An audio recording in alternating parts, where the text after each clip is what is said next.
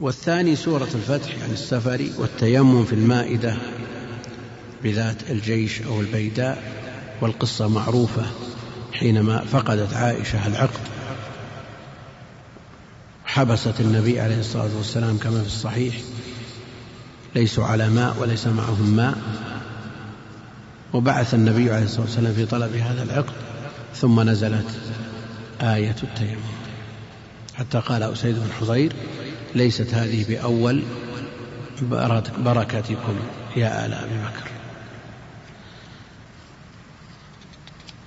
واتقوا يوما ترجعون فيه إلى الله بمنى. نزلت هذه الآية بمنى وهي من آخر ما نزل إن لم تكن الآخر. على الخلاف الآتي إن شاء الله تعالى في حجة الوداع. وآمن الرسول إلى آخرها يعني آخر سورة البقرة نزل يوم الفتح. هذا قاله المؤلف تبعا لجلال الدين البلقيني وإن لم يقف على ما يؤيده من الخبر. يسألونك عن الأنفال وهذان خصمان ببدر. يسألونك عن الأنفال في غنائم بدر. كما هو معروف نزلت في بدر. بدر حال سفر. وهذان خصمان أيضا في المبارزة التي حصلت يوم بدر أيضا. واليوم أكملت لكم دينكم نزلت بعرفات. وهذا الحديث الصحيح لما قال اليهودي لو نعلم لو علينا نزلت معاشر اليهود لو علينا نزلت هذه الآية معاشر اليهود لاتخذنا ذلك اليوم عيدا.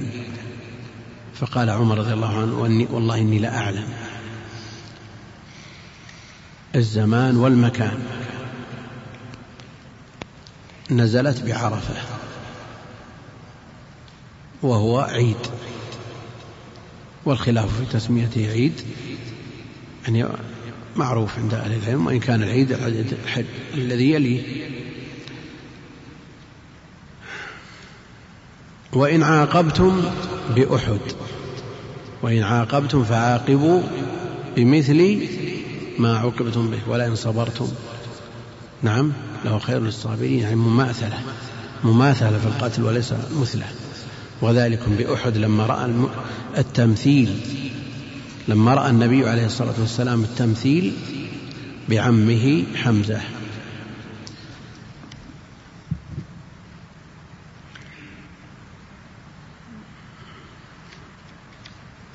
النوع الذي يليه الخامس والسادس النهاري والليل يعني ما نزل بالنهار وما نزل بالليل. يقول الأول كثير لأن النهار هو وقت اليقظة. هو وقت اليقظة. والثاني قليل لأنه في الغالب وقت النوم. عكس ما عليه الناس اليوم. انتشار الناس في الليل. وسكونهم وراحتهم بالنهار. فالأول الذي هو النهار ما نزل بالنهار كثير لأنه وقت اليقظة والانتشار. والليل قليل لكن له أمثلة كثيرة. يعني كثير كثرة نسبية. إيش معنى كثرة نسبية؟ له أمثلة كثيرة لكنها أقل بكثير من الأول.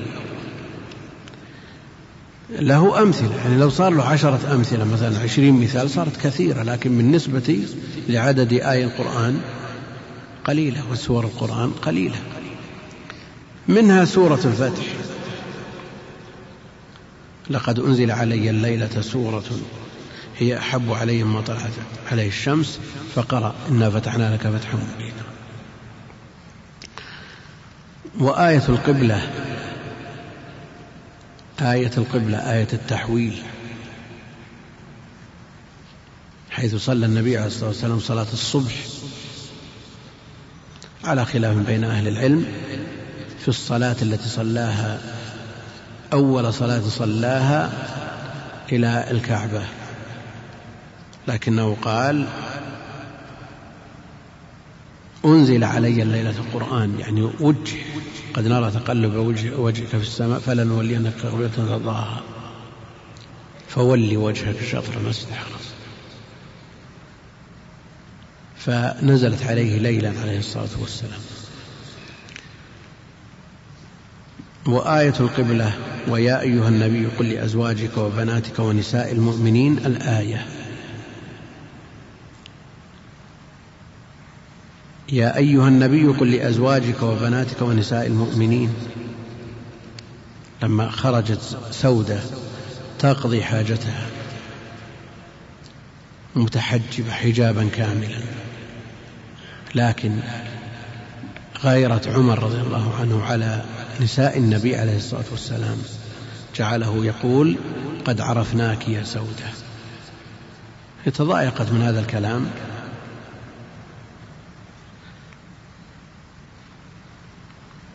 فعرض ذلك على النبي عليه الصلاة والسلام فأنزلت هذه الآية آية الحجاب.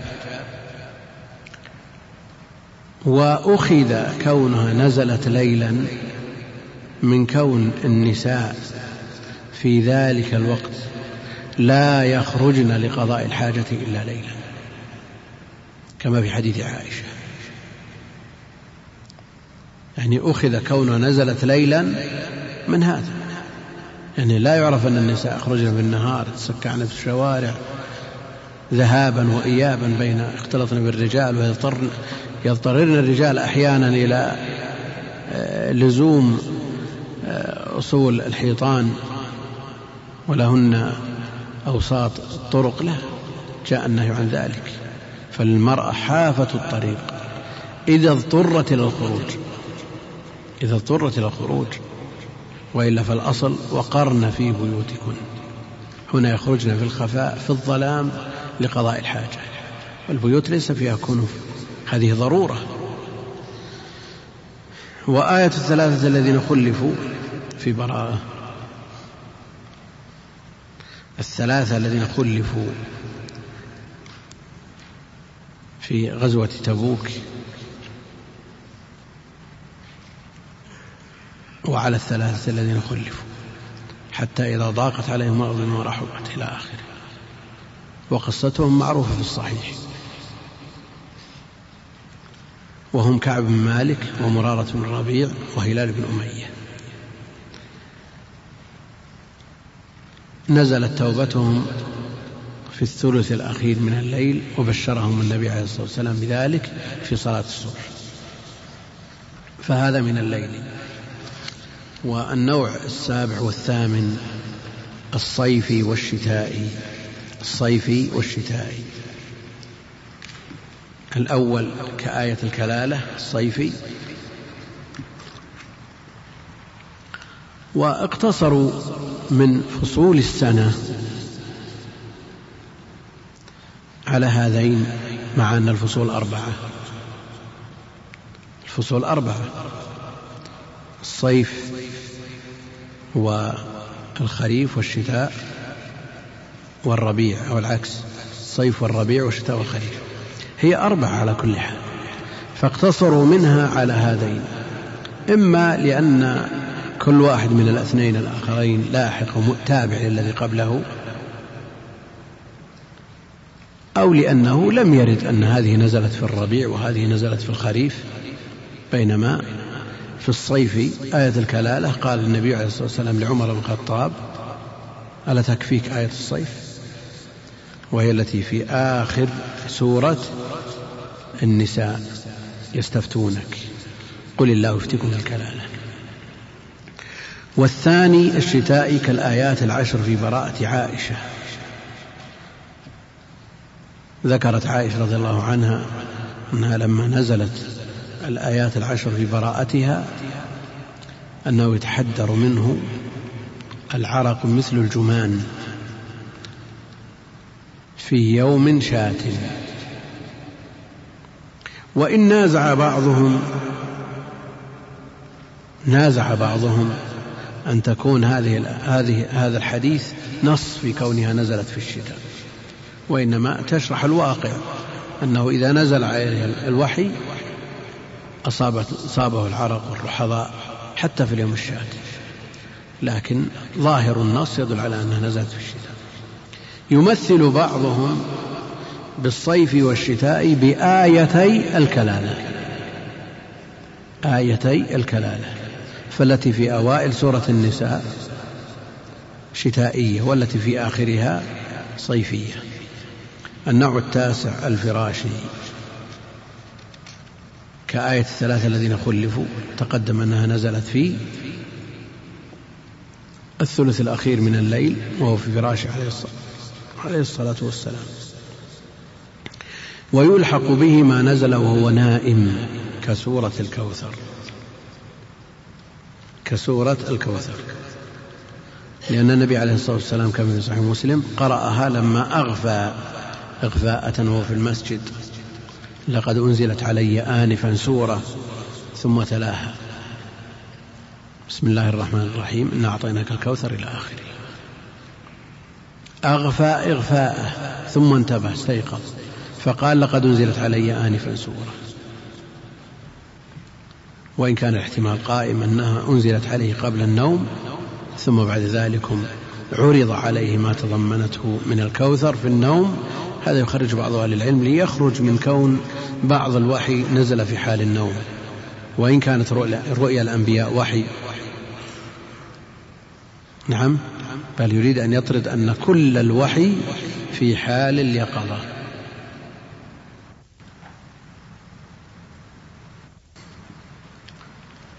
بعضهم يقول لا يلزم أن يكون نزلت عليه السورة في حال النوم إنما نزلت قبل ذلك ولما أغفى عليه الصلاة والسلام عرض عليه الكوثر.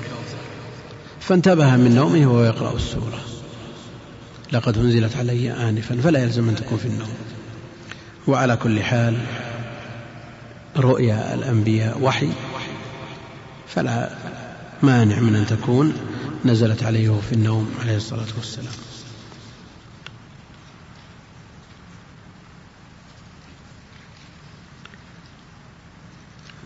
النوع العاشر أسباب النزول.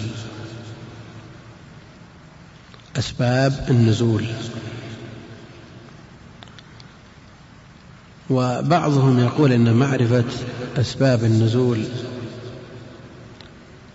قيمتها لا تعادل التعب من ورائها هي مجرد سرد تاريخي لما حصل. وهذا الكلام ليس بصحيح. وإن قيل. لأن معرفة السبب تورث العلم بالمسبب.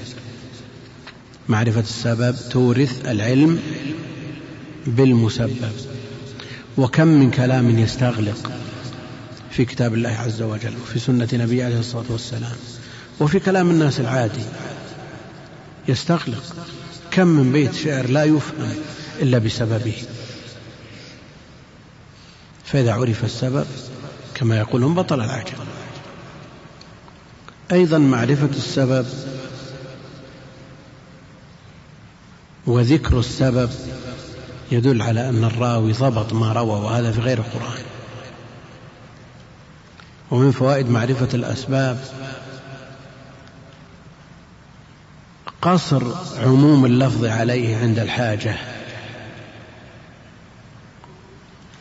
أهل العلم يطبقون والخلاف لا يكاد يذكر أن العبرة بعموم اللفظ لا بخصوص السبب. العبرة بعموم اللفظ لا بخصوص السبب.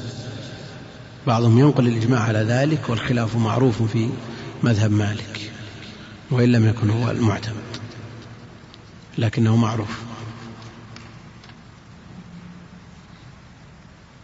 من فوائد معرفة السبب إدخال السبب في النص فلا يتطرق إليه إخراج بحال من الأحوال لأن دخوله قطعي الفائدة التي أشرنا إليها قبل وأنه قد يقصر النص على سببه عند التعارض. فمثلا في قوله جل وعلا فأينما تولوا فثم وجه الله. فأينما تولوا فثم وجه الله. عمومه يدلك على أي, جهة اتجهت. صل نعم. عموم. فهل نعمل بهذا العموم؟ نعم. لماذا؟ لأن السبب السبب احتجنا إليه. وهو أنهم اجتهدوا فصلوا فتبين أنهم صلوا إلى غير القبلة فنزل قوله فأينما تولوا فثم وجه الله يعني بعد التحري والاجتهاد إذا تبين أنك أخطأت صلاتك صحيحة أينما تولوا فثم وجه الله لكن بعد الاجتهاد والتحري. وإلا فالأصل أن استقبال القبلة شرط لصحة الصلاة لا تصح إلا بها. هذا الأصل. فقصرنا الحكم على سببه. قصرنا النص على سببه لأن عموم النص معارض. معارض. عمومه معارض. فاحتجنا عند للتوفيق بين هذه النصوص أن نقصر الحكم على سببه. ومثال من السنة يوضح المراد. في حديث عمران بن حسين صل قائما. فإن لم تستطع فقاعدا فإن لم تستطع فعلى جنب. دل هذا الحديث بعمومه على أن المستطيع لا تصح صلاته إلا من قيام. لا تصح صلاته إلا من قيام. ويشمل جميع الصلوات الفريضة والنافلة العادية ذات الركوع والسجود الطارئة صلاة جنازة صلاة كسوف أي صلاة لا تصح إلا من قيام. هذا بعمومه يتناول جميع الصلوات. لكن عندنا حديث آخر. صلاة القاعد على النصف من أجل صلاة القائم. لا بد أن نتصرف من هذين النصين لأن هذا بعمومه يشمل جميع أنواع الصلاة فلا تصح مع الاستطاعة إلا من قيام. والثاني أيضا بعمومه لأنه مفرد مضاف صلاة القاعد فيعم على النصف من أجل صلاة القائم يدل على صحة الصلاة جميع الصلوات لكن الأجر نصف أجر. نحتاج إلى سبب لنقصر الحكم على سببه. النبي عليه الصلاة والسلام دخل المسجد والمدينة محمة فيها حمى فوجدهم يصلون من قعود. فقال النبي عليه الصلاة والسلام صلاة القائد على النصف صلاة على النصف من أجل صلاة القائد فتجشم الناس الصلاة قياما. فسبب الورود وهو نظير سبب النزول بالنسبة لعلوم القرآن أن الصلاة كانت نافلة بدليل أنهم صلوا قبل حضوره عليه الصلاة والسلام ولا يصلون الفريضة قبل حضوره. الأمر الثاني أنها بالنسبة للقادر على القيام نافلة للقادر على القيام. فإذا صلى نافلة وقادر على القيام له من الأجر النصف لكن صلى نافلة وهو عاجز عن القيام أجره كامل. إن صلى فريضة وهو قادر على القيام صلاته غير صحيحة لحديث عمران فقصرنا الحديث الثاني على سببه لأن عمومه معارض بنص آخر. فنحتاج للتوفيق بين النصوص أن ننظر في سبب الورود أو سبب النزول كما هنا ونسلك قصر النص على سببه لوجود المعارض.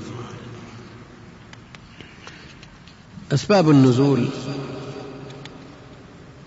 وفيه تصانيف. الأسباب هي البواعث للنزول وللورود بالنسبة للحديث وفيه تصانيف كثيرة من أهل قبل أهل العلم.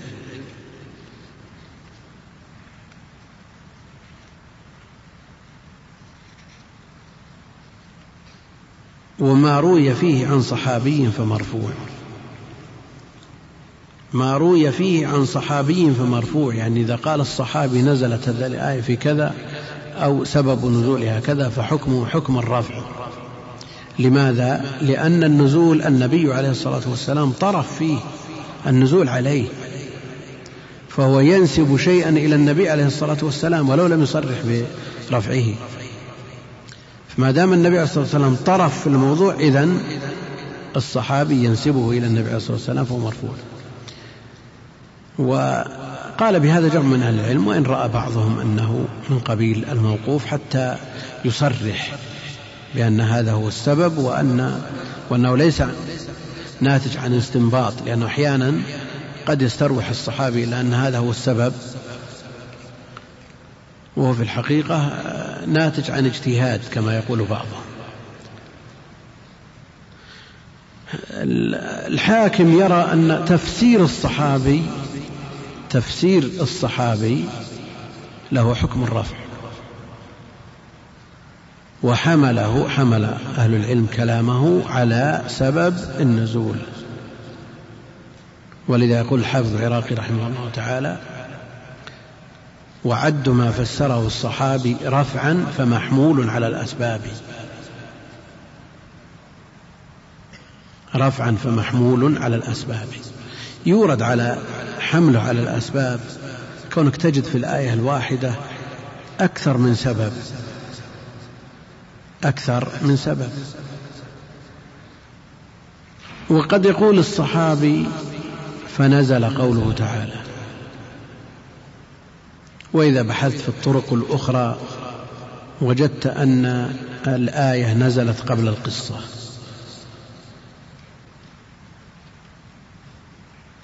فمثلا في الصحيح لما استشكل الصحابة الظلم وأينا لم يظلم نفسه لما نزل قوله جل وعلا الذين آمنوا ولم يلبسوا إيمانهم بظلم بظلم.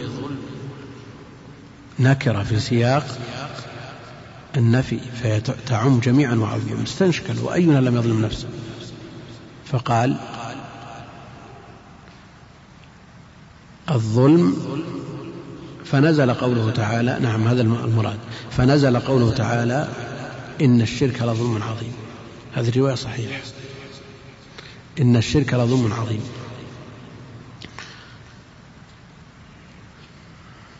وفي رواية أخرى وهي صحيحة أيضا ألم تسمعوا إلى قول العبد الصالح إن الشرك لظلم عظيم؟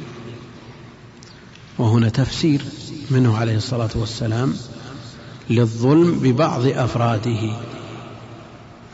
تفسير للظلم ببعض أفراده.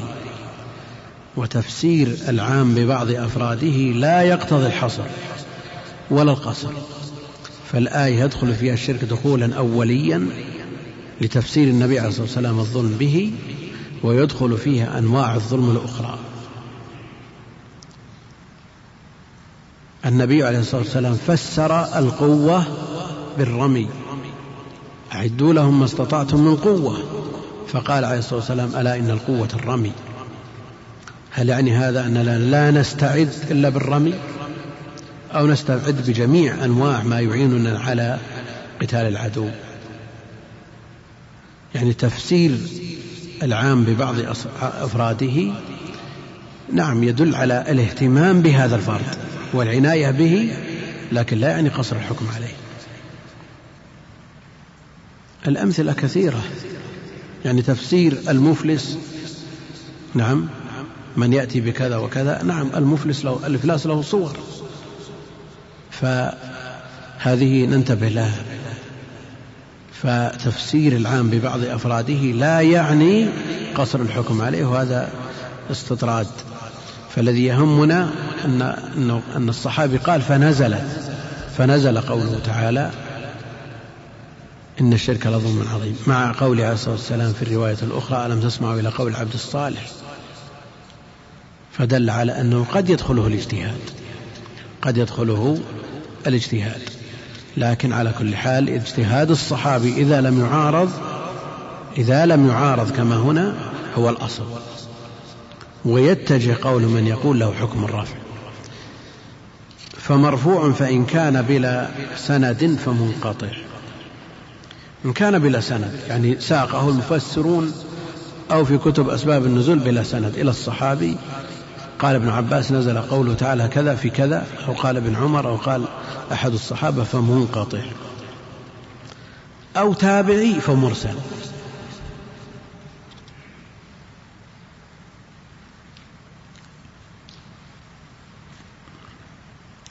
أو تابعي فمرسل. كيف؟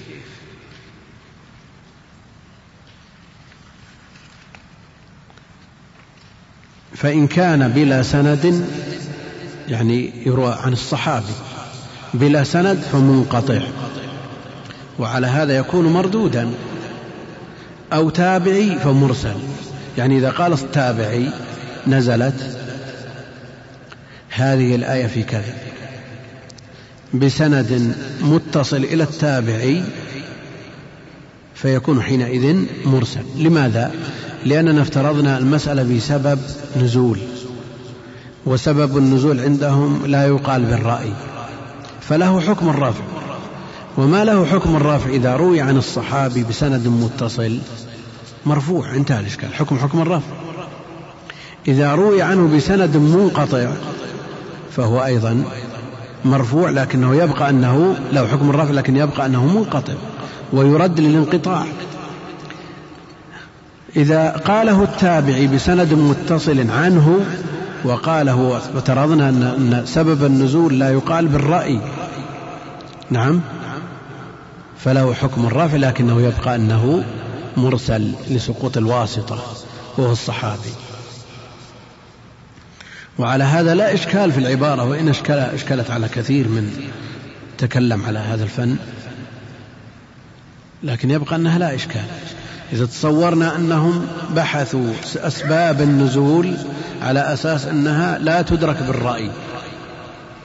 لا تدرك بالرأي. نعم. فإن ثبتت عن الصحابي بسند متصل صحيح إليه فلها حكم الرفع وحينئذ تقول تكون مقبولة. لكن إن قاله الصحابي وروي عنه بإسناد فيه انقطاع أو بلا سند أصلا فهو مردود للانقطاع. وإن كان له حكم الرفع ما كل مرفوع مقبول. أيضا إن كان عن التابع بسند متصل. نعم. له حكم الرافع لكن يبقى أن له أنه مرسل لعدم ذكر الصحابي. فيكون التابع كأنه رفعه إلى النبي عليه الصلاة والسلام. مرفوع تابع على المشهور ومرسل أو قيده بالكبير. وإن ثبت عن وإن نقل عن تابعين بلا سند يجتمع فيه الإرسال والانقطاع فهو أسوأ من الذي قبله. وصح فيه أشياء. وصح فيه أشياء في أسباب النزول صح, صح كثير. وكتب التفسير لا سيما التي تعنى بالآثار مملوءة من أسباب النزول ومنها الصحيح ومنها الحسن والضعيف فيها المقبول والمردود. فيها ما يتعدد فيه السبب لنازل واحد وأهل العلم اختلفوا في هذا إذا تعدد السبب. وألفت فيه المصنفات المستقلة. يقول صح فيه أشياء يعني كثيرة كقصة الإفك. قصة الإفك. يعني قصة الإفك التي حصلت لما فقدت عائشة العقد ونامت وذهبوا وتركوها. نعم فرآها مصطح.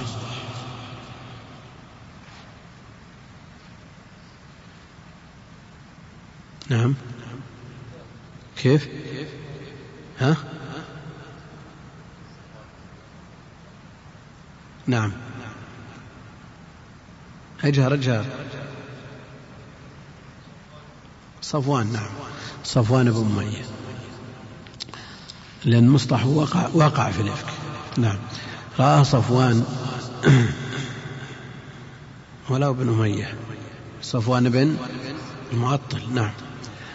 رآها فحملها على جمله فوقع المنافقون فيما وقعوا فيه من الإفك وولغوا فيه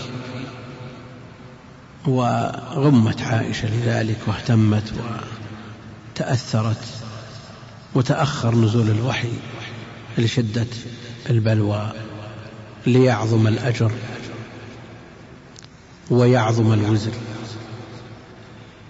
ثم نزلت براءتها في عشر آيات تتلى إلى يوم القيامة من سورة النور.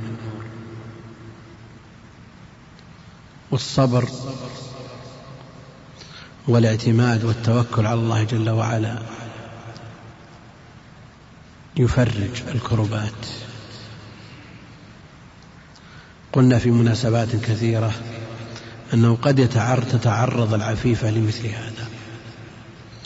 لا سيما في مثل الظروف التي نعيشها. يمكن أن تحضر مناسبة فتصور. والآلات الآن تخدم الفساد وأهل الفساد. يدبلج على صورتها صورة عارية. ثم بعد ذلك يدبلج معها من يزاول الفاحشة معه وهي بريئة. ثم بعد ذلك من الأساليب الإبليسية الضغط عليها بهذه الصورة. فنقول لمن يحصل لها مثل ذلك أن تعتصم بالله وتتوكل عليه ولا تستجيب بحال من الأحوال وسوف يبرئها الله جل وعلا مما نسب إليها. هذه عائشة رغم ما قيل وما استفاض وما لاكته الألسنة والرسول عليه الصلاة والسلام لا ينتصر لنفسه. فبعد مدة نزلت براءتها من السماء. وطول المدة ليعظم الأجر لمن ابتلي ويعظم الوزر على من ولق والمسألة ابتلاء. والقصة معروفة في الصحيح. والسعي. السعي فلا جناح عليه أن يطوف بهما. والآية قد يستدل بها من لا يرى وجوب السعي لكن إذا عرفنا سبب النزول زال الإشكال. سبب النزول أن عرب في جاهليتهم يهلون للأصنام. وقد وضعوا على الصفا واحد وعلى المروة ثاني وكانوا يسعون بين الصفا والمروة لهذين الصنمين. فتأثم الصحابة تحرجوا أن يسعوا.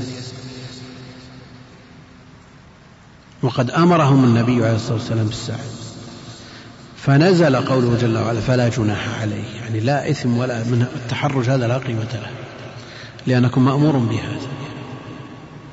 نعم نحن مأمورون بمخالفة المشركين لكن فيما لم يرد فيه نص ما لم يرد فيه أمر توجيه شرعي.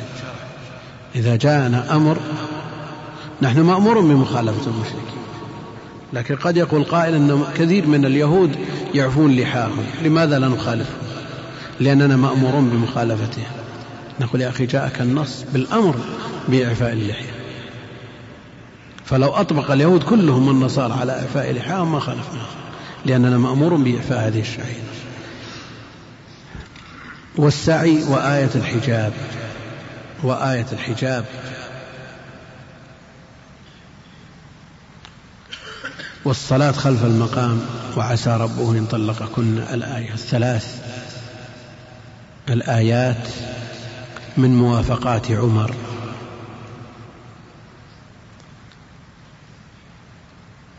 فجاء في الصحيح أن عمر رضي الله عنه قال وافقت ربي في ثلاث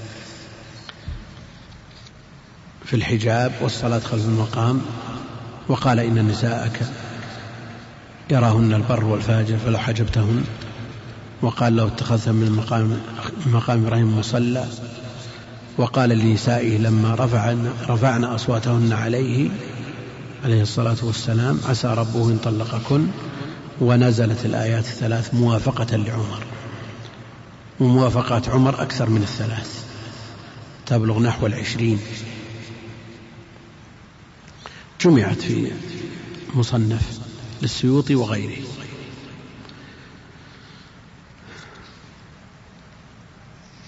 النوع الحادي عشر أول ما نزل. الأصح وعليه الأكثر أن أول ما نزل. اقرأ باسم ربك الذي خلق. أولا بداية التنزيل في رمضان. بداية التنزيل في رمضان.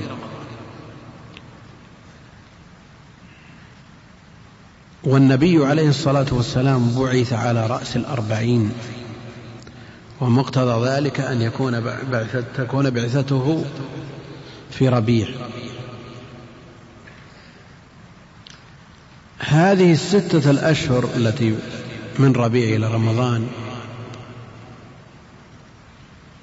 من ربيع إلى رمضان هذه الستة الأشهر كان النبي عليه الصلاة والسلام يرى فيها الرؤيا الصالحة.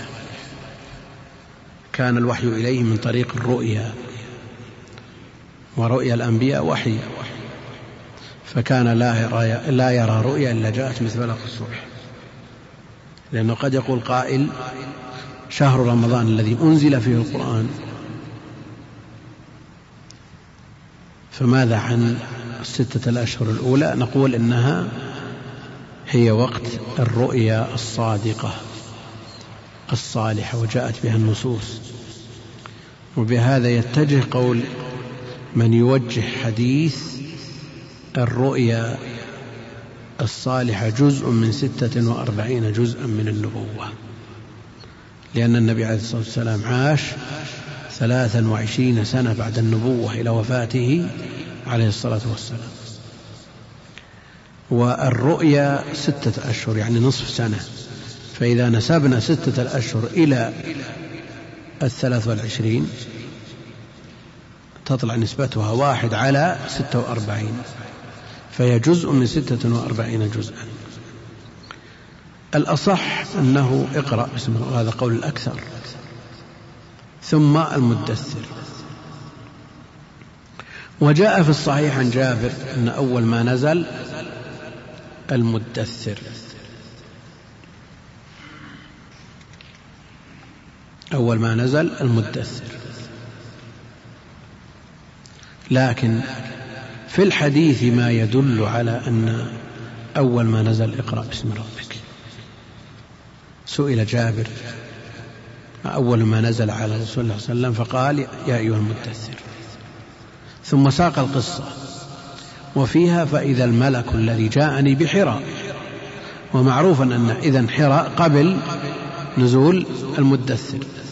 وحراء القصة التي نزلت فيها سورة إقرأ. من لازم ذلك أن تكون سورة إقرأ قبل المدثر.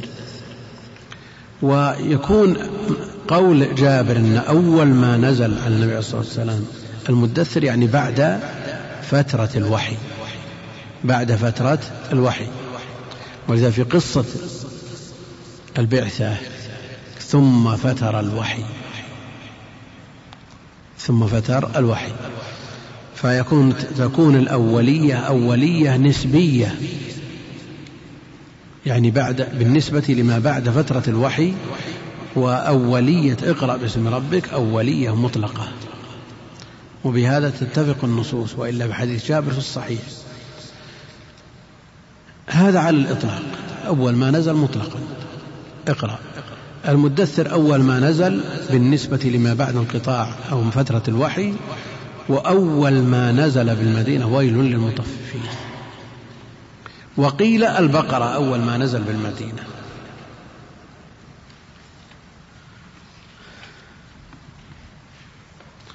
يقابل أول ما نزل آخر ما آخر ما نزل وهو النوع الثاني عشر.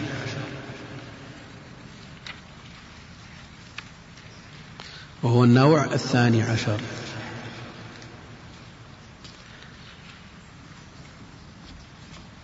قيل آخر ما نزل يقول المؤلف آية الكلالة آخر سورة النساء.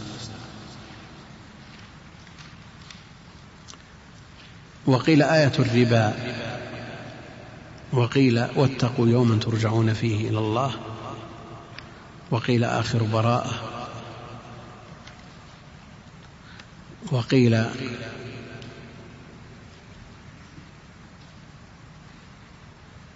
يقول عندكم إيش؟ سورة النصر. في آخر. نعم. ما نحتاج سورة النصر. حتى إيش آخر براءة؟ وقيل براءة. نعم. قيل آية الكلالة وهي آخر سورة النساء. وهي آية الصيف التي تقدم ذكرها. وقيل آية الربا. والمقصود بها ما جاء في أواخر سورة البقرة. وقيل واتقوا يوما ترجعون فيه إلى الله.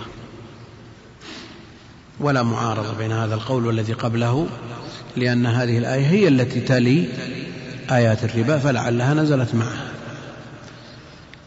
وقيل آخر براءة.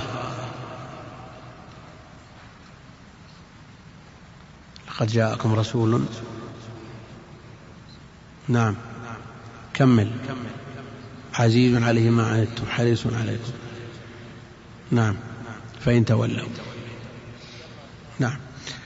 وقيل سورة النصر وهي التي نعت النبي عليه الصلاة والسلام وأخبرت بذنوب أجله.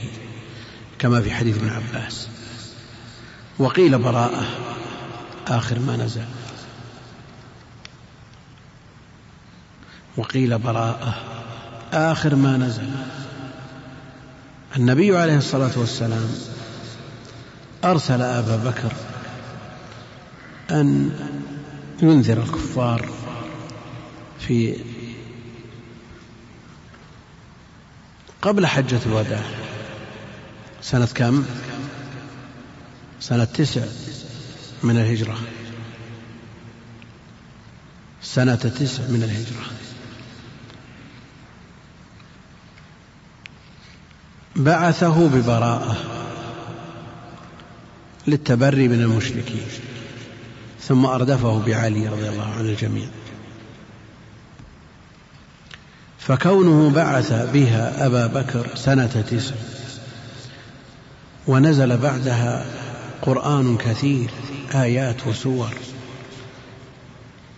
سورة النصر قطعا بعدها لأنها أبانت عن دنو أجله عليه الصلاة والسلام ولذا القول بأن براءة آخر ما نزل فيه ما فيه.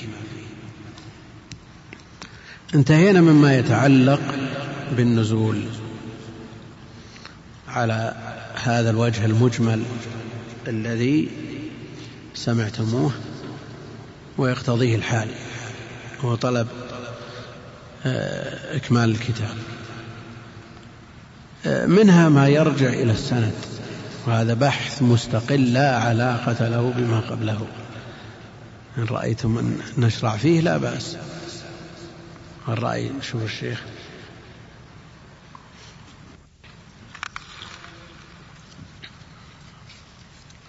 أحسن الله إليكم وأثابكم على هذا الشرح الموجز الوافي. وهذا سائل يقول ما أجمع وما أصح كتاب في أسباب النزول؟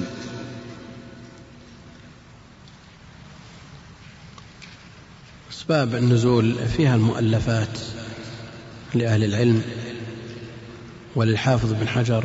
كتاب وصفوه بأنه نفيس لكني لم أقف عليه وهو من أهل التحري والتثبت. وإن كان آخره لم يبيض كما قال السيوطي وغيره لكن ابن حجر آه، من أهل التحري وليس بجماع مثل السيوطي. السيوطي له كتاب اسمه لباب النقول لكن آه، أتوقع أن كتاب الحافظ بن حجر من أنفس ما يقتنى في هذا الباب. إضافة إلى ما يذكره الحافظ ابن كثير رحمه الله وهو جهبذ في هذا الباب نقاد. فإذا ضممنا ما قاله الحافظ ابن كثير إلى ما كتاب الحافظ بن حجر إن وجد وللواحدي أيضا كتاب لكن الواحدي آه، فيه فيه الضعيف كثير. وقبلهم الواحدي قبلهم لكن فيه ضعيف. وعلى كل حال يستفاد منه يستفاد منه. نعم. أحسن الله إليكم. يقول السائل عد المؤلف رحمه الله آية تحويل القبلة من الليل وقد نزلت في صلاة الصبح فهل الصبح من الليل؟ قبل الصبح نزلت قبل الصبح نزلت قبل الصبح. نعم. أحسن الله إليكم.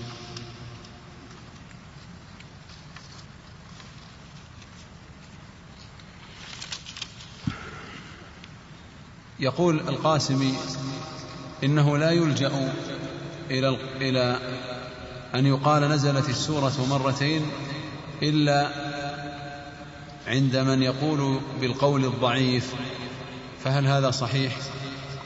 يقول أهل العلم يختلفون في الجرأة وضدها يختلفون في الجرأة وضدها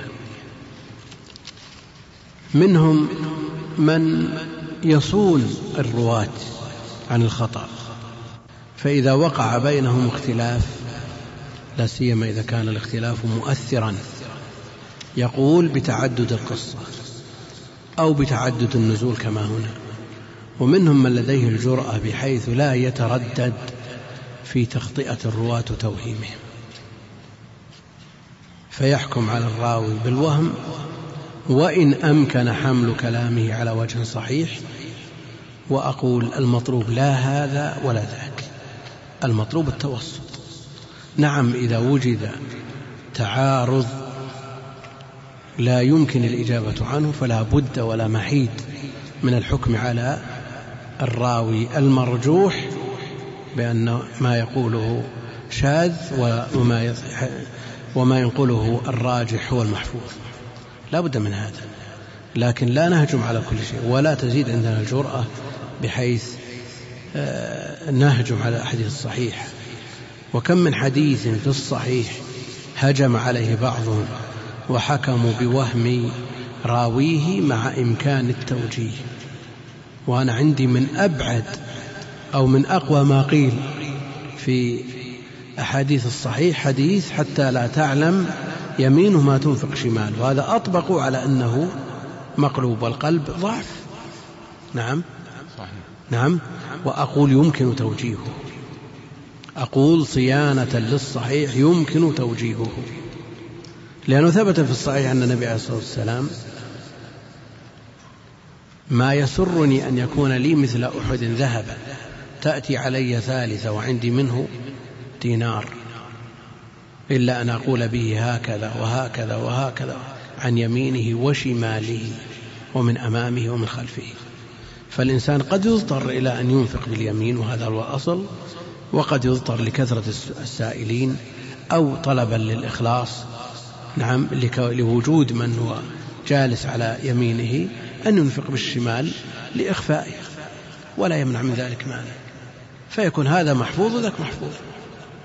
وأنا أقول مثل هذه الأمور تسلك صيانة للصحيح لئلا يتطاول السفهاء على الصحيحين. وقد وجد من يجرؤ على الصحيحين وإذا تطاولوا على الصحيحين ماذا يبقى لنا ما, ما عداهما الأمر فيها خف لأن الأمة تلقتهما بالقبول.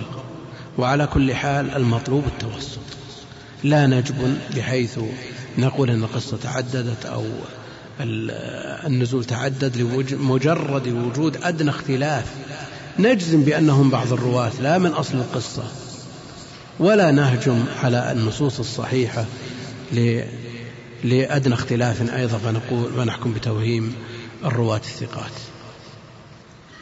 نعم.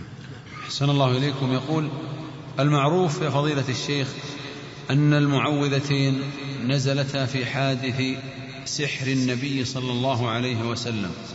نزل بهما جبريل عليه السلام في المدينة فما هو الصارف إلى القول إنهما مكيتان؟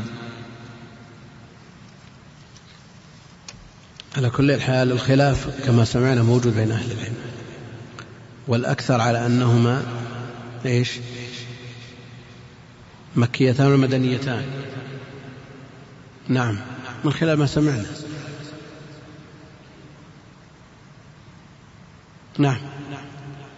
الأكثر على أنهما مكيتان.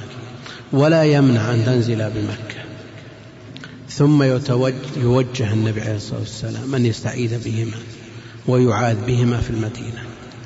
لا تلازم بين التعويذ بهما وبين نزولهما.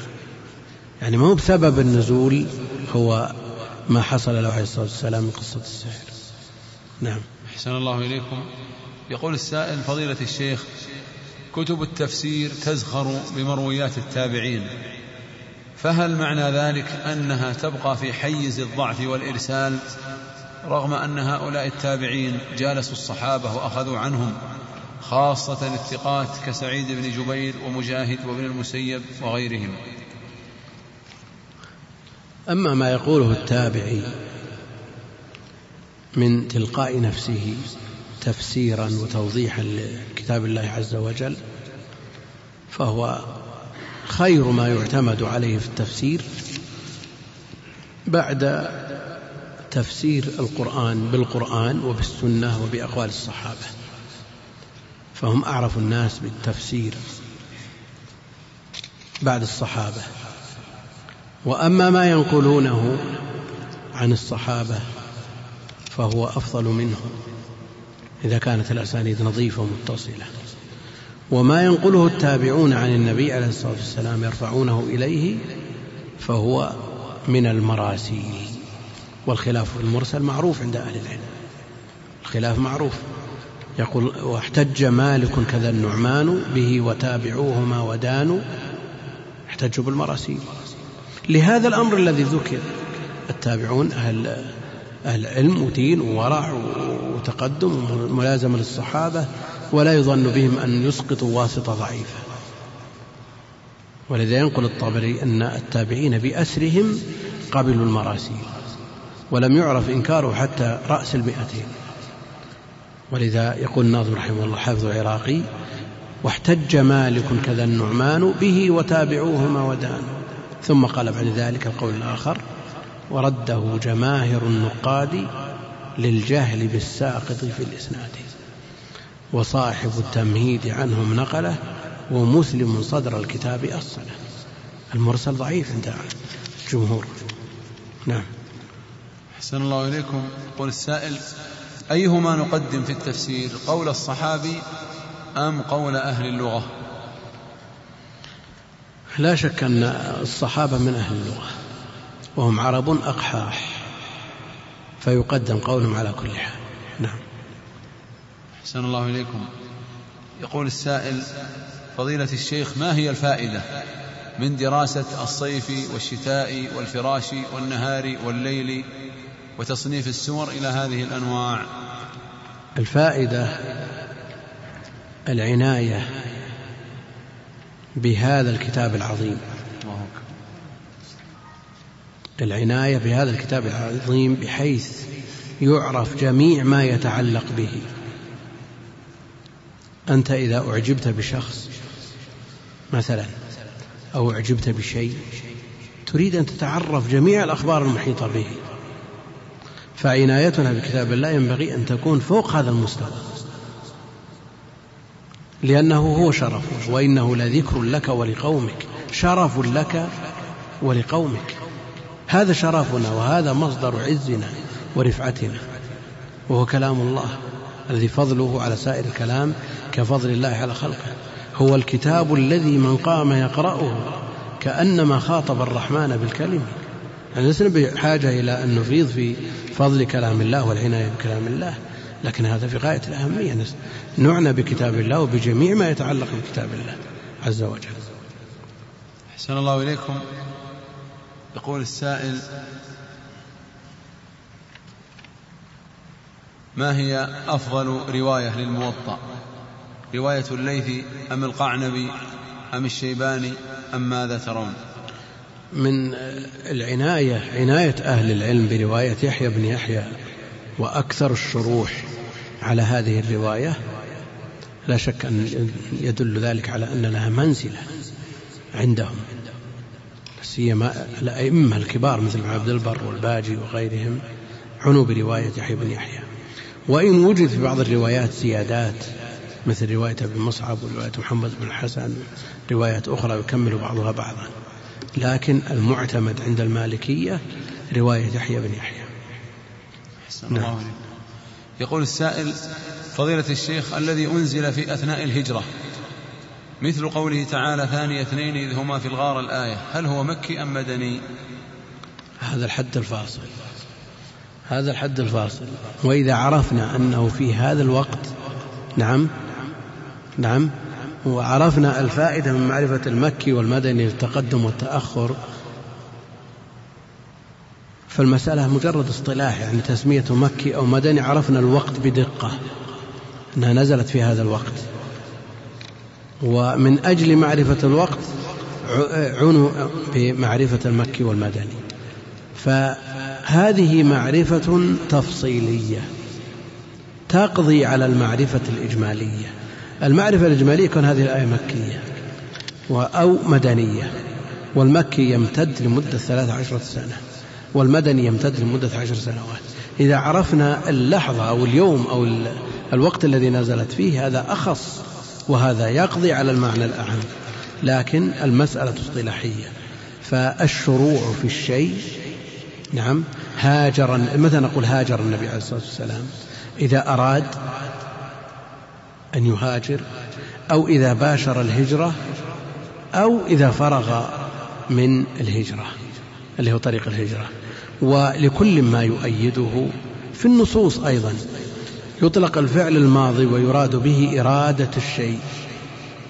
وحينئذ تكون الهجرة بدأت من إرادتها أو من الشروع فيها وهذا أيضا قول له حظه من النظر وله ما يؤيده أو من الفراغ من فعل الهجرة الذي هو الانتقال وهذا هو الأصل في الفعل الماضي. هذا هو الأصل في الفعل الماضي أن يكون زمنه قد تقدم. لكن الأظهر أن هذه الآية تكون من المدني. أحسن الله إليكم. يقول السائل فضيلة الشيخ هنالك عدة طبعات لتفسير ابن كثير فما أفضلها في نظركم؟ الطبعات لتفسير ابن كثير كثيرة جدا لكن من أصحها إن لم نجزم بأنها الأصح طبعة ظهرت حديثا في خمسة عشر جزءا. طبعت في مصر في مكتبة أولاد الشيخ. هذا ما أدري الشيخ من لكن بهذا الاسم. محققة ومقابلة على النسخ ومخرجة ومعتنى بها. في خمسة عشر جزءا. طبعة البنا التي أصلها طبعة الشعب وألحق فيها الإضافات التي أضافها الحافظ ابن كثير آه، طبعة جيدة. لأن طبعة الشعب ما يوجد فيها من الكلام هو الأصح على الإطلاق لأنه اعتمد فيها على أقدم النسخ أقدم النسخ اللي هي النسخة الأزهرية. فما تفرع عن طبعة الشعب مثل هذه طبعة البنا يكون طبعة صحيح. لأن الحافظ بن كثير ألف الكتاب عرضة أولى خالية من النقول. لا عن لم ينقل فيها عن الرازي ولا عن الزمخشري ولا عن القرطبي ولا عن البيضاوي وتجد هذا في طبعة الشعب غير موجود هذه النقول. لماذا؟ لأنه عرضة أولى للكتاب. أضاف الحافظ بن كثير رحمه الله تعالى بعد ذلك هذه النقول أفاد من هذه التفاسير ووجدت في النسخ المتأخرة. طبعة الشعب خالية من هذه النقول وبعض الناس يتهم طبعة الشعب أن فيها خروم وفيها أسقاط. ما فيها خروم ولا أسقاط. هذا الكتاب. هذا الكتاب بعرضته الأولى لكن أضيف إليه نقول من هذه الكتب وأضافها الحافظ بن كثير بعد ذلك وهي أيضا ثابتة النسبة للحافظ بن كثير. أضيفت أيضا في طبعة البنا طبعة السلامة طبعة طيبة من أفضل الطبعات. لا أقول هي أفضل الطبعات لكنها من أفضل الطبعات. لا سيما الثانية. أحسن من الأولى بكثير. استدرك فيها كثير من الأخطاء. نعم. أحسن الله إليكم. يقول السائل فضيلة الشيخ هل يجوز توزيع هذه الورقة في المسجد؟ وخاصة ما فيها من خلفها للتواصل والاشتراك. هذا مركز البث. الأمور بمقاصدها. لو جاء موقع البث الإسلامي ووزعها قلنا لا يا أخي. أن توزع دعاية لك. لكن يوزعها من يريدها للسؤال. فالأمور بمقاصدها نعم. لو جاء أصحاب موقع البث الإسلامي وزعوها هم بأنفسهم قلنا لا أنتم تريدون دعاية. لكن يوزعها غيرهم من أجل أن يفاد منها ولا نظر لهم في أمر الدنيا. الأمور بمقاصدها يا أخوان. إنما مرادهم بذلك أن يكتب عليها السؤال ويفاد منها. الأمر الثاني أن موقع البث الإسلامي فيما نحسب والله يتولى السرائر وفيما يظهر من تصرف الإخوان وعملهم أنه عمل صبغته خيرية. ولذا لا يشارطون من أراد الاشتراك معهم بكم ولا بكم وإذا تأخر ألزموه أحرجوه. لا يتوسعون في هذا التوسع مع المشايخ يتساهلون تساهل يبثون الدروس بحرص وتفاني في هذا الباب. على كل حال مثل ما ذكرنا أولا لو وزعوهم اتهمناهم يوزعه غيرهم الأمور بمقاصدها وزعت من أجل السؤال لا للدعاية. نعم. أحسن الله إليكم. ما أفضل شرح للموطأ؟ وهل هو مطبوع؟ أفضل شروح الموطأ على الإطلاق التمهيد لابن عبد البر. التمهيد لابن عبد البر وقد عني فيه ببيان المعاني والأسانيد وكمله بالاستذكار الذي جمع فيه وأفاض في ذكر مذاهب علماء الأمصار فهما عبارة عن كتاب واحد متكامل من كل وجه. فالتمهيد ترتيبه يصعب على المتعلمين لأن الإمام رحمه الله رتبه على شيوخ مالك ورتب الشيوخ على طريقة المغاربة في ترتيب الحروف لكنه ذللت هذه المشكلة فرتب على أحاديث الموطأ مثل الشيخ عطية سالم رتب الأحاديث رتب الشرح على أحاديث الموطأ فأفاد وأجاد رحمه الله تعالى فإذا قرئ كلام ابن عبد البر في التمهيد وكلامه في الاستذكار نور على نور. فيكون بذلك تكامل لأن الصبغة في التمهيد معاني وأسانيد. الصبغة في الاستذكار الفقه وأقوال الفقهاء فقهاء الأمصار وأدلتهم وابن عبد البر إمام يشرف طالب العلم أن يقرأ له. حقيقة لأن هذا العلم دين. فانظر عمن تأخذ دينك. ابن عبد البر إمام من أئمة المسلمين يشرف طالب العلم بقراءة له. إذا قال إن هذه كتب مطولة لا أستطيع فيها طول وفيها كذا شرح الزرقاني متوسط. وإن كان أفضل منه شرح الباجي. المنتقى لكن شرح الزرقاني أسهل من شرح الباجي. أحسن الله إليكم. يقول السائل فضيلة الشيخ هل كان من هدي الصحابة والسلف الصالح أنهم يتتبعون الجنائز بحيث إنه من فاته جنازة الظهر وجاء إلى المقبرة بعد العصر يصلي على جنازة الظهر فهل يقوم على القبر ويصلي أم أنه يترك ذلك ولا يفعل؟ أقول ما إذا ثبت عن النبي عليه الصلاة والسلام شيء فلسنا بحاجة إلى غيره. ما دام ثبت أن الصلاة على الجنازة بقيراط اتباعها وشهود دفنها قيراط فعلى المسلم أن يحرص ولا يفرط بهذه القراريط حسب القدرة. ظروفنا تختلف عن ظروف من تقدم. ظروفهم صعبة وظروفهم شاقة لكن ظروفنا ميسرة. أيضا نحن بحاجة إلى مثل هذه القراريط أكثر منهم أكثر منهم لما عندنا من تفريط وعندنا مخالفات نحتاج إلى شيء نكفر شيء نضعه في موازين. هذه القراريط تنفعنا يوم نلقى الله جل وعلا. الصلاة على على القبر أيضا له أصل. النبي عليه الصلاة والسلام صلى على القبر ويكفينا هذا أصل. في أن نصلي على الجنازة إذا فاتتنا على القبر. فالحث على تتبع الجنائز من خلال بيان الأجر المرتب على الصلاة والصلاة على القبر أجرها أيضا عظيم والنبي عليه الصلاة والسلام فعله. صلى الله إليكم يقول هذا سؤال يجعل الحليم حيران. كذا كذا نعم. ما حكم ما يسمى بدورات البرمجة اللغوية العصبية؟ أفيدونا جزاكم الله خيرا. أنا لا أعرف من قرب أو بدقة ما يراد بذلك وإن سمعت هذا الكلام كثيرا برمجة عصبية يعني دورات ويجعلون من الأمور المستحيلة شيء أشياء ميسورة لكن على حد علمي أن هذه فيها ما فيها. أقل ما فيها إن لم تكن من عمل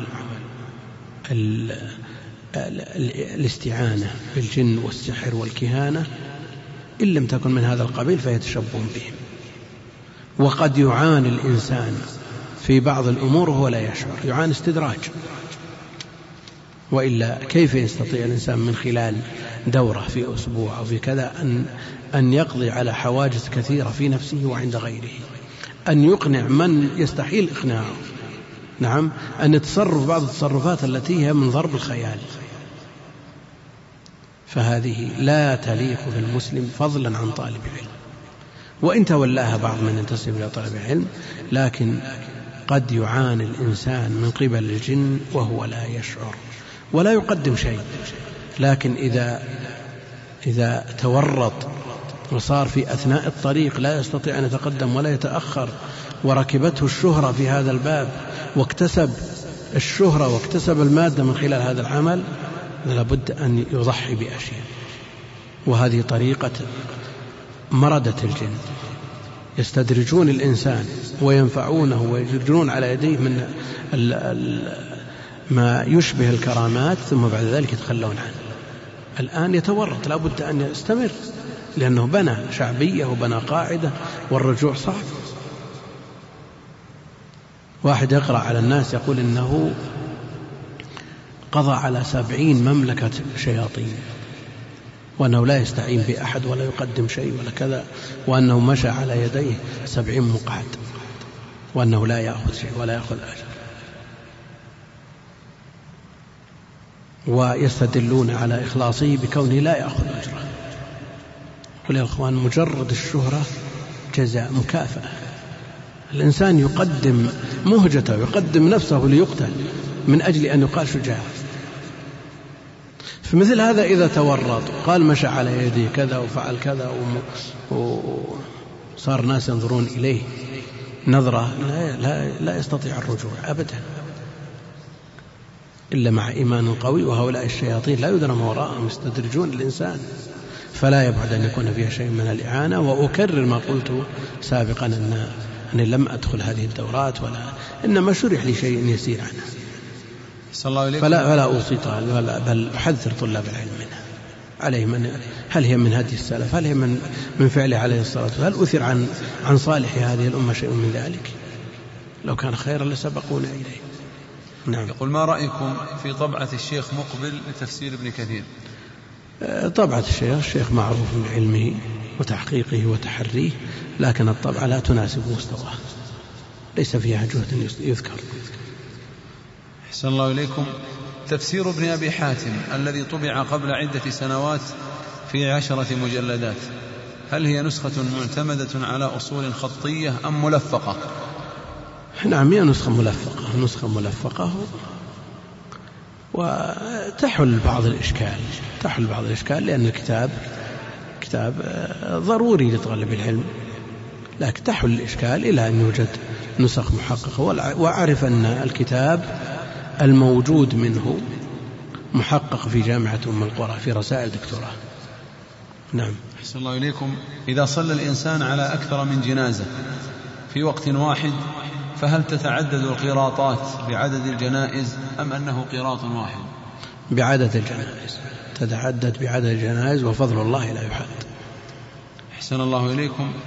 يقول السائل ما وجه كون ما وجه كون طبعة أولاد الشيخ لتفسير ابن كثير أحسن طبعة؟ لأنها فيها العناية ظاهرة والصحة عليها تلوح من خلال آه، معاناة ما هم من كلام فارغ. إن أردتم أن نذكر لكم الآن جميع طبعات الكتاب بما لها وما عليها الأمر ميسور. نعم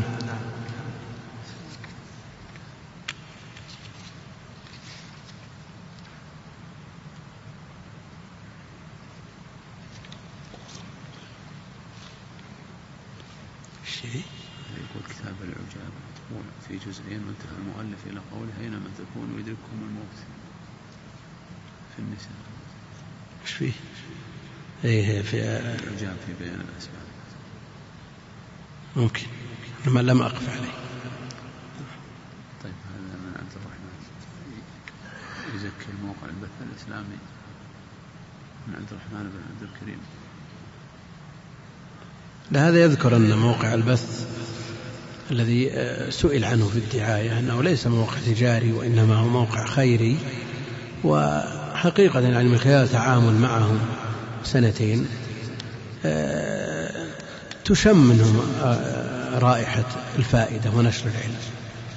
تشم منهم رائحة الفائدة ونشر العلم. أحسن الله إليكم. يقول السائل من راجح في مسألة تعدد نزول الآية أكثر من مرة؟ هل يقع أم لا؟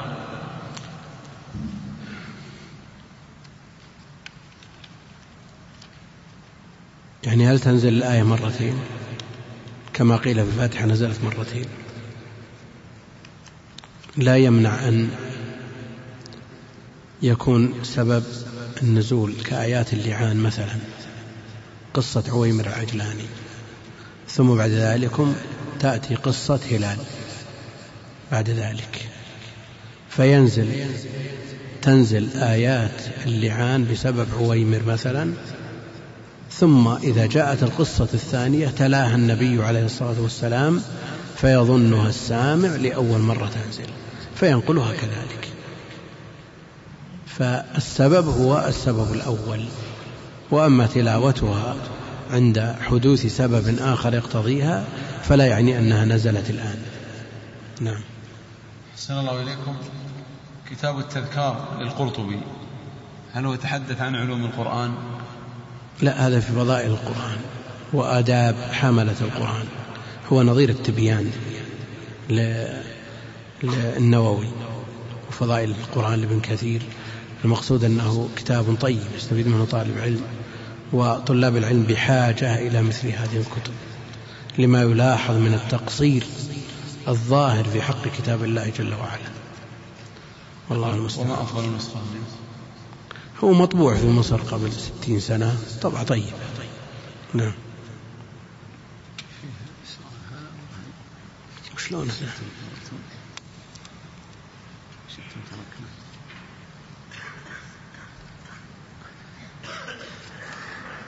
هذا يسأل عن سؤال يعني أشبه ما يكون شخصي يسأل عن بداية الطلب. درسنا كعادة أقراننا في المدارس النظامية. بدءا من المدرسة الابتدائية سنة 1381 إلى 86 السنوات الست ثم المعهد العلمي من 87 إلى 93 ثم 93 إلى 97 في كلية الشريعة ثم بعد ذلك الدراسة العليا في الماجستير والدكتوراه. انتهت سنة 1407 أما القراءة على الشيوخ قرأنا في القصيم قبل أن نحضر للرياض على آه، الشيخ صالح بن أحمد الخريصي رحمه الله رئيس محاكم القصيم والشيخ محمد بن صالح المطوع الزاهد المعروف. وقرأنا هنا لما حضرنا إلى الرياض الشيخ عبد الله بن غديان لازمته مدة قبل مجيء الشيخ ابن باز رحمه الله من المدينة ثم بعد ذلك لزمت الشيخ ابن باز من سنة 95 في أول درس ألقاه إلى سنة 400 خمس سنوات كاملة ثم بعد ذلك انقطعت بسبب الانشغال بالرسائل وأيضا الإحراج من بعض صغار الطلاب في دروس وما أشبه ذلك. والله المستعان. اللهم صل على عبدك ورسولك. خلاص. أحسن الله إليكم وأثابكم على هذا الشرح وهذه الفتاوى الموفقة المسددة. ولنا إن شاء الله موعد مع فضيلة شيخنا في الغد. نسأل الله جل وعلا أن يحفظه بحفظه ويكلاه برعايته ويثيبه ويجزيه أحسن الجزاء. وأطلب من الإخوة الذين هم قريبون من جامعة الإمام أن يحملوا معهم إخوانهم من الجامعة. فمن أراد أن يفضل على إخوانه فقد قال صلى الله عليه وسلم من كان عنده فضل ظهر فليعد به على من لا ظهر له لأن حافلة الجامعة اليوم لن تأتي. فأثابكم الله. السلام عليكم ورحمة الله وبركاته. الحمد لله رب العالمين صلى الله وسلم وبارك على عبده ورسوله نبينا محمد وعلى آله وصحبه أجمعين.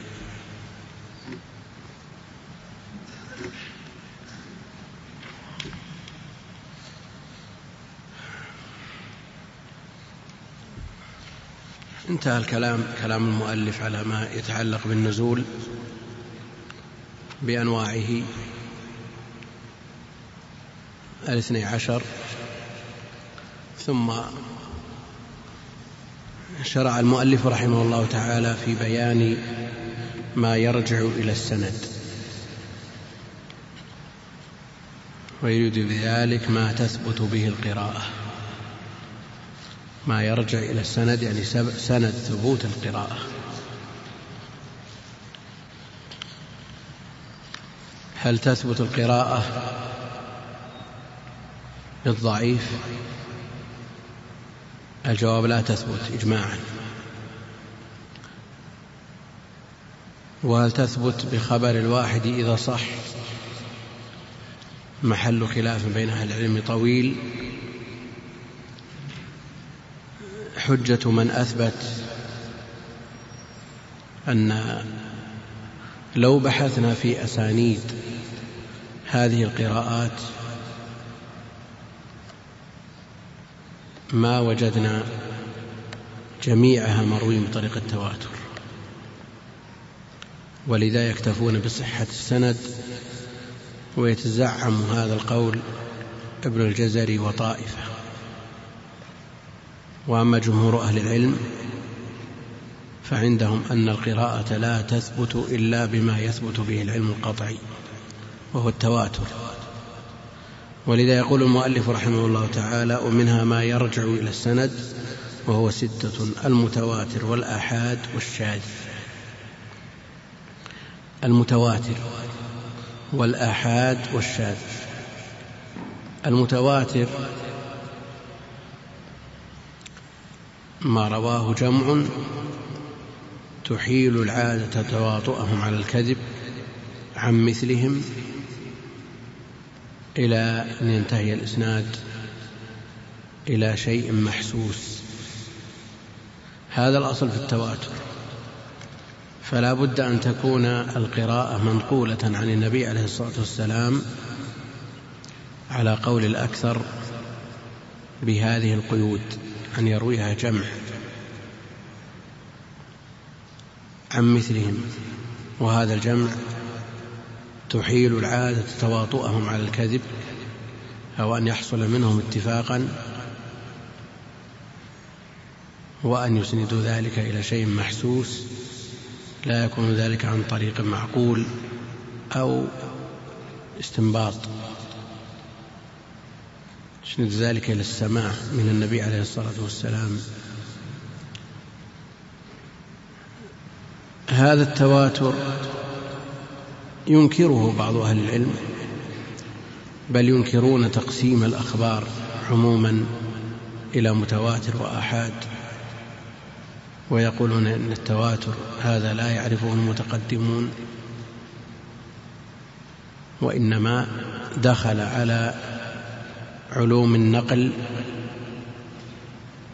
علوم القرآن وعلوم السنة من جهة أصحاب الأصول.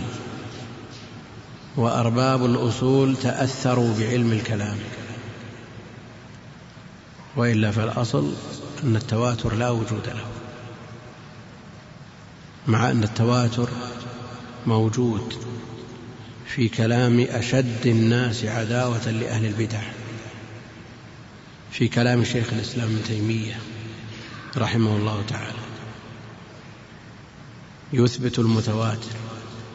ويعرف المتواتر بالتعريف الذي ذكرناه واعتمده أهل العلم ويقسمه إلى الأقسام المعروفة عند أهل العلم ويمثل بأمثلتهم. يمثل بأمثلتهم. ويثبت بعض القضايا بالتواتر سواء كان اللفظي أو المعنوي. فيثبت في كل كل مؤلف من مؤلفاته ما يناسبه من الأمثلة. فمثلا في منهاج السنة يثبت فضائل أبي بكر وعمر بالتواتر المعنوي وأن ذلك حصل في وقائع كثيرة. مجموع هذه الوقائع تفيد العلم الضروري القطعي. وإن لم تكن مفرداتها كذلك. المقصود أن الأخبار متفاوتة عند جميع العقلاء. متفاوتة. فخبر الواحد ليس كخبر الاثنين وخبر الاثنين ليس كخبر الثلاثة وخبر الثلاثة ليس كخبر المئة فهي متفاوتة. وخبر الثقة الثابت ليس كخبر من دونه وهكذا. تختلف الأخبار قوة وضعفا تبعا لاختلاف الرواة كما وكيفا عددا ووصفا. فالقراءة لا تثبت بالضعيف اتفاقا والصحيح الذي توافرت فيه شروط الصحيح. وهو ما نقله عدل تام الضبط بسند متصل غير معل ولا شاذ. هذا هو الصحيح عند أهل العلم. الأول المتصل الإسناد بنقل عادل ضابط الفؤاد عن مثله من غير ما شذوذ وعلة قادحة فتوذ. هذا هو الصحيح.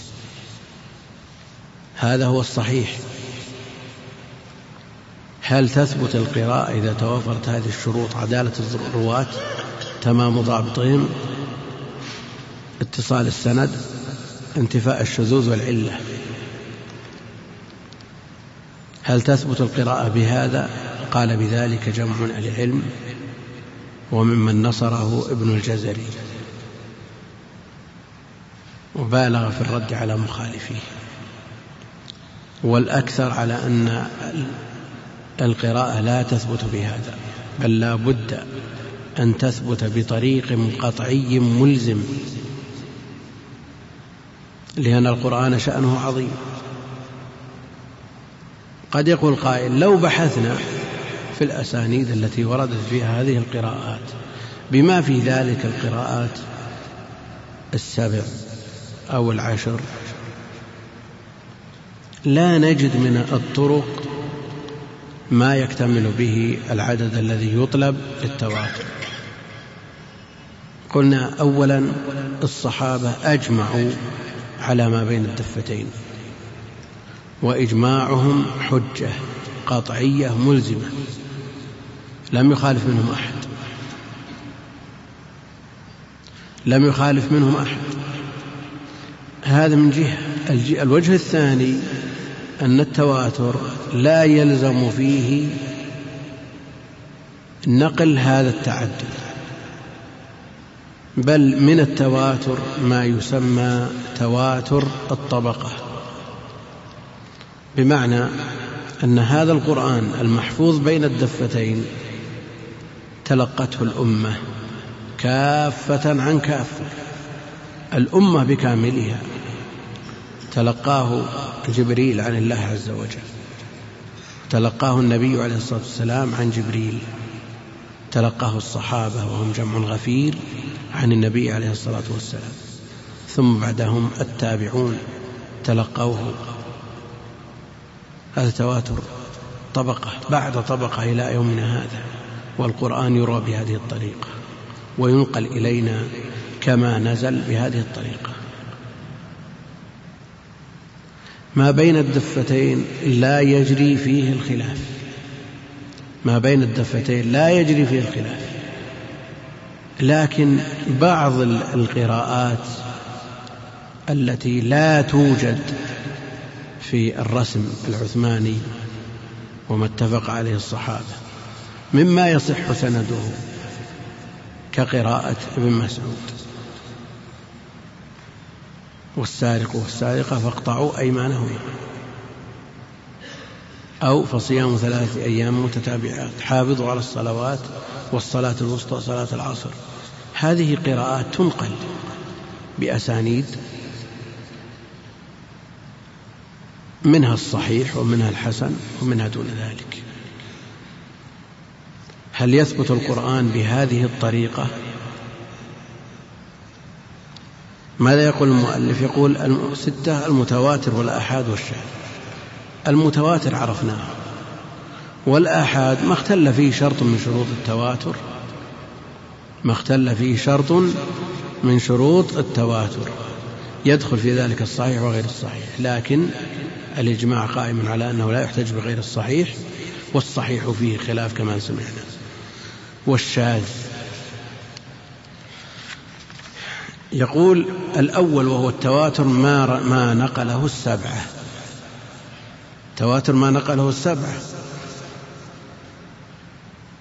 الأصل في التواتر ما نقله جمع يمتنع تواطؤهم على الكذب عن مثلهم. تحيل العادة تواطؤهم على الكذب كما أسلفنا. وهنا يقول الأول ما نقله السبعة والمعروف السبعة معروفون نافع وابن كثير وأبو عمرو وابن عامر وعاصم وحمزة والكسائي. هؤلاء هم السبعة. يعني حصر ما تواتر من القراءات بقراءة هؤلاء السبعة. والتعريف كما يكون بالحد الجامع المانع يكون أيضا بالتقسيم الحاصر. ولذا قال الأول وهو المتواتر ما نقله السبعة. مفاده أن ما رواه وما نقله غير السبعة كالثلاثة مثلا ليس بمتواتر. عرفنا أن المتواتر عرفه بما نقله السبعة لم يعرفه بحده الكاشف الجامع المانع المخرج على طريقة الحدود.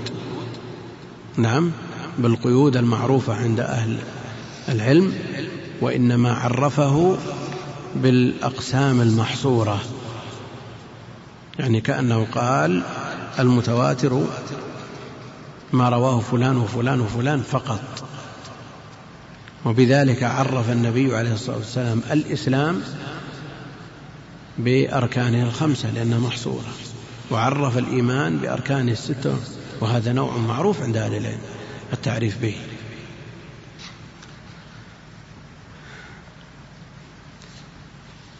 ما نقله السبعة لفظا ما تداولوه لفظا. قيل وهذا قال به ابن الحاجب. نعم. قيل إلا ما كان من قبيل الأداء. يعني كالمد والترقيق والتفخيم هذا يزعم الحاجب أنه ليس بمتواتر. لماذا؟ لأنه إذا أمكن نقل المقروء نعم. لا يمكن نقل صفته. إذا اعتمدنا على النقل فقط في التواتر ونقلنا المقروء نعم لا يمكن أن نقرأ صفة هذا المقروء. فعندنا بين الدفتين المصحف.